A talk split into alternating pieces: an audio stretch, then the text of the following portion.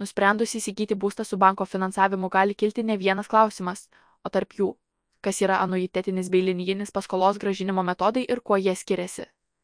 Tad aptarkime šias savokas bei tai, ką reikėtų įvertinti priimant sprendimą dėl paskolos gražinimo būdo. Paskolos gražinimo būdų skirtumai. Anuiteto metodas.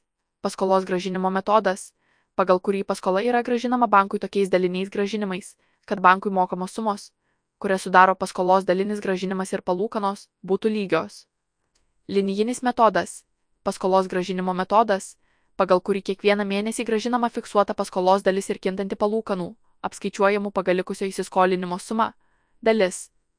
Esminis skirtumas tarp šių metodų yra tas, jog gražinant paskolą linijiniu metodu, mėnesio įmokos laipsniškai mažėja, nes mažėjant gražinamos paskolos likučiui mokama vis mažiau palūkanų skaičiuojamų nuo tuo metu likusios paskolos sumos.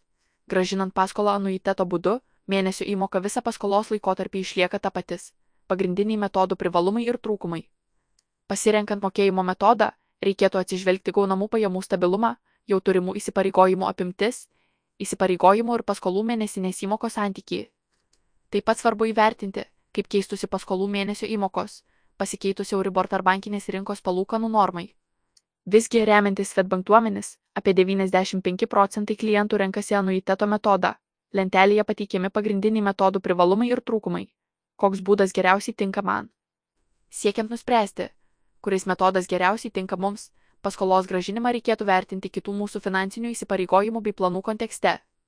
Pasirinkus anuitetinį paskolos gražinimo būdą, mūsų įmokos bus mažesnės ir vienodos visą paskolos laiko tarpys. Tikėtina, kad tokiu būdu mums liks daugiau lėšų kitų tikslų įgyvendinimui, taupimui ir investavimui.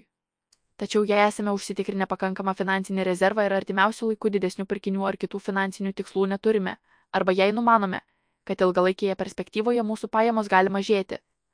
Galbūt tinkamesnis sprendimas mums gali atrodyti linijinis metodas, bet kuriuo atveju svarbu suprasti, kad kiekvieno situacija yra unikali, o pateiktų pavyzdžių nereikėtų priimti kaip rekomendacijos.